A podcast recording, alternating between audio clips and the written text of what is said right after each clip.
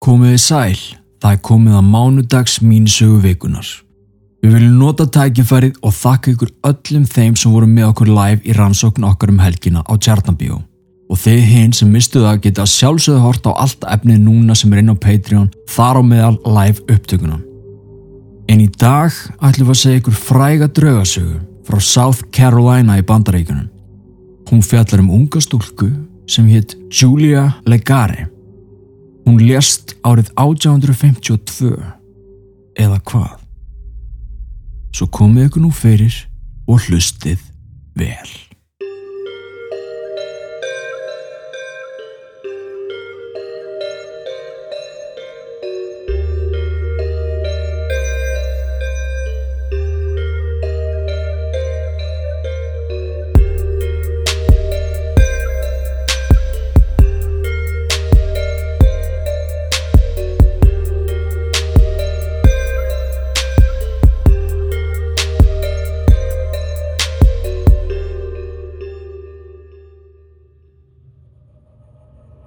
Sagan um Júliu Legare er misjöfn eftir því hvern þú spyrð.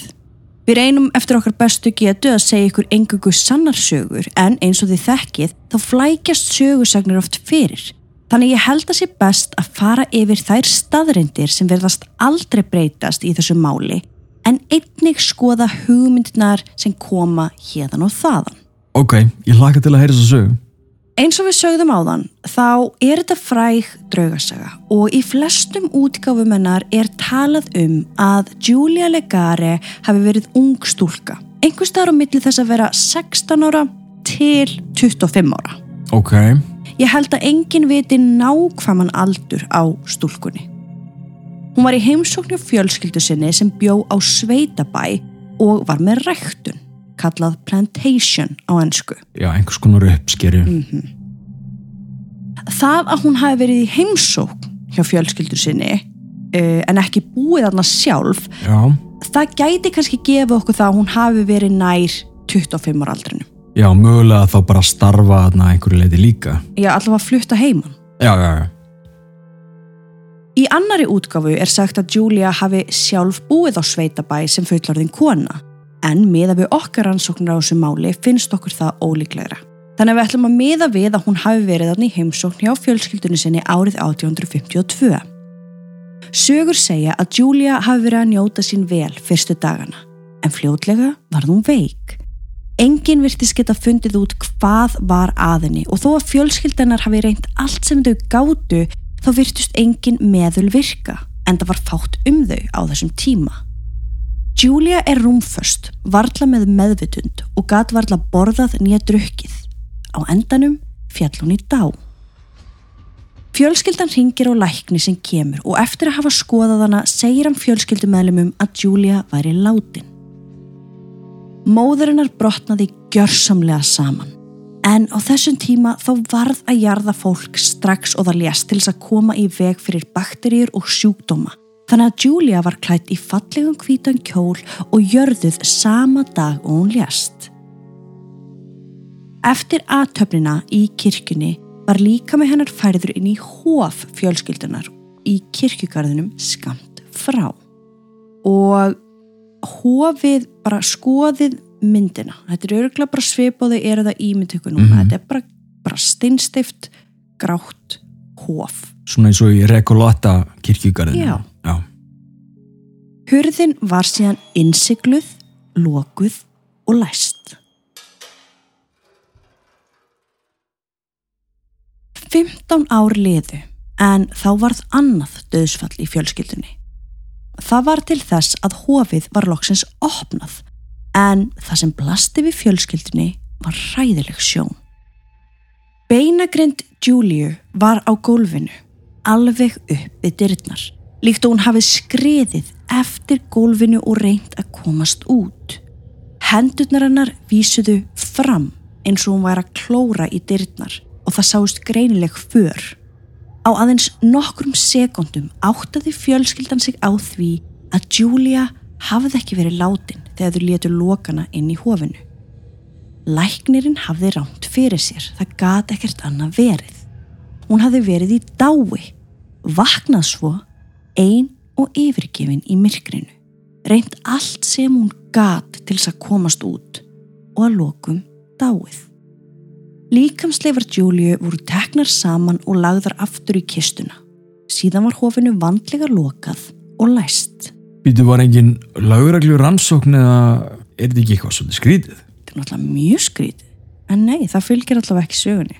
Það sem mér finnst svolítið skrítið í þessari sögu er að hvað heimsótti enginn Júliu í 15 ár. Akkurát, er það ekki tilgangurinn með þessi hofi? Til þess að geta farið þarna inn og heimsótt þína ættingi? En eins og ég talaði um samt í byrjun, þá er svo erfitt að finna út hvað er nákvæmlega satt og hvað Já. ekki. Það eru ákveðna staðarindur í þessu máli og svo er búið að flétta þetta einhvern veginn saman. Þannig að svona smáatrið eins og af hverju heimsóttanan engin eða af hverju kom lögreglun ekki er kannski bara eitthvað sem að við eigum aldrei eftir að finna út. Nei, nei, nei, nei. En móðurinnar átti virkilega erfitt með að sætta sig við þessi örlög dóttur sinnar. Svo hún ákveður daginn eftir að fara aftur að hofinu til þess að byggja fyrir henni. Þegar hún mætir í kirkjugarðin sér hún að hurðin að hofinu er gal opin. Hún var vissum að þau hefðu lokað og læst henni kvöldið áður en núna var hún ekki svo viss. Hvernig gat hún opnast að sjálfum sér?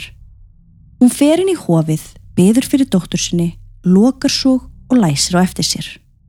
Nokkrum dögum setna kom annar fjölskyldumæðlumur og sá nákvæmlega það sama og móðurinn hafði séð. Hurðin var galopin. Og svona held þetta áfram næstu árin. Það skipti ekki máli hvað fjölskyldan reyndi að gera, læsa með keðjum og hengilásum. Hurðin var alltaf opnuð á einhvern dulafullan hátt. Þá fóru á stað sögursagnir um að kannski væri þarna á ferðinni Andi Júliu sem vildi alls ekki hafa hurðina lokaða. Þannig í dag þá er hurðin opin og hver Já. sem er getur farið ángað inn og skoðað. Vá, Það er fjöldin allur af ferðamönnum sem gerir sér leiðangað og margir hætta sér inn, en enginn þorir að loka hurðinni. Þannig að fjölskyldan gaf steila bröp. já, Þessi hurð, hún helst ekkert lókuð. næ. Þannig er líka að pæla sko hvort það hafi í raun verið einhver ástæða til þess að læsa. Ég held að það hafi náttúrulega bara verið að þú vilt kannski ekkit endilega allir sé að þvælast þannig inn. Það er náttúrulega, En svo líka náttúrulega að kistan sé þá, hún liggur bara þarna. Hún er ekki grafin eða sett inn eitt stein eða eitthvað svoleiðis. Og það er örugglega bara til þess að koma í veg fyrir grafræningi eða eitthvað þannig. ég held reyndar í þessu tilfelli að þá hafi kistan verið sett ofan í einhvers konar stein. En Já, ég er ekki vissum sko að lokið að því greinilega komst hún upp. já, já akkurát. En áður en við ljúkum sögudagsins, nú erum við búin að fara almennilega yfir bara söguna, þetta er þessi fræga draugasaga í Já. South Carolina um Juliu Legare.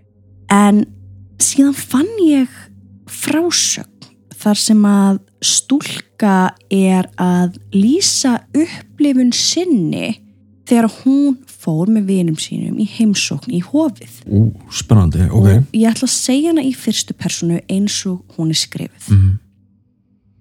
Fyrir nokkrum árum ákvað ég á samt nokkrum vinum að heimsækja kirkjugarðin í Edisto Island. Við vorum forvitin að vita hvort að þarna væri reynd og hvort að við myndum mögulega að rekast á einhverja drauga. Þegar ég var inn í hofinu hjá Júliu að letast um ákváðu vini mínir að loka mig inni.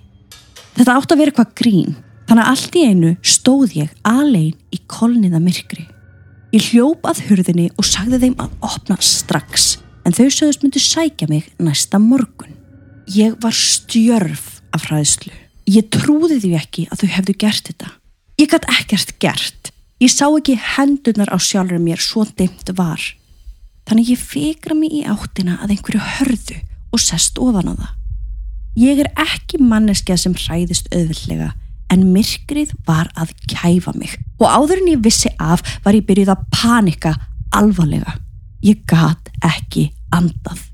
Ég sat þarna skjálfandi í myrkrinu í marga klukkutímu ruglega. Mér leið allavega eins og þetta væri heil eilífð. Svo skyndilega heyri ég eitthvað skrítið hljóð. Eins og einhver væri að klóra í eitthvað. Ég hristu hausinn, vissum að ég væri að ímynda mér þetta. En hljóðið verður hærra og hærra. Á endanum er það orðið svo hátt að ég skrýð í eitt hornið, hnebra mig saman og tek fyrir eirun. Ég gat ekki hlustað á þetta lengur. Rétt áður en ég gjörsamlega misti vitið þá hættu lætin og ég heyri í einhverjum öskra.